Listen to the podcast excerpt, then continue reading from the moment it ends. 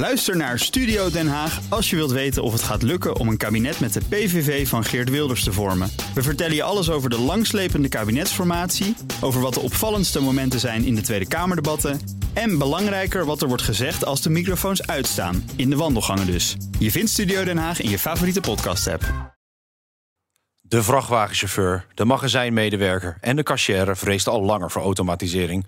Maar dankzij kunstmatige intelligentie komt het nu ook voor mij ineens akelig dichtbij. AI kan tekst, audio en beeld sneller bedenken en verwerken. Dus mag ik straks met mijn collega's aansluiten in het rijtje van de stadsomroeper, de aanzegger, de handwever en de telefonist.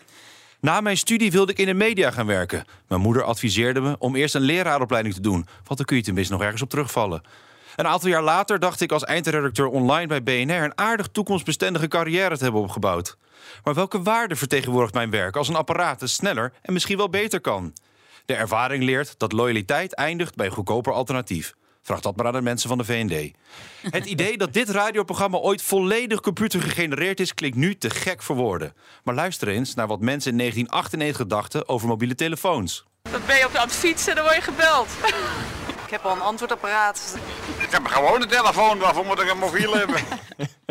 Maar nieuwe tijden bieden ook nieuwe kansen. Sinds de invoering van het statiegeld op blikjes melden schoonmakers dat er overal vuilnisbakken worden geplunderd. Wat de een weggooit, heeft waarde voor een ander. En in tijden waarop talloze beroepsgroepen op het punt staan volledig te worden weggeautomatiseerd, vind ik dat toch een teken van hoop. De mens kan altijd op iets terugvallen. Al denk ik dat accountants zich een toekomst toch iets anders hadden voorgesteld. Ook Harm Edens vind je in de BNR-app. Je kunt BNR Duurzaam niet alleen live luisteren in de app, maar ook terugluisteren als podcast, zoals al onze podcasts. En naast dat de BNR-app Breaking News meldt, houden we je ook op de hoogte van het laatste zakelijke nieuws. Download nu de gratis BNR-app en blijf scherp.